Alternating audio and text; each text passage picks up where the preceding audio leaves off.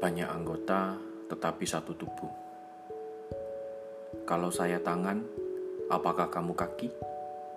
Kalau saya mata, apakah kamu telinga? Kalau saya hidung, apakah kamu mulut?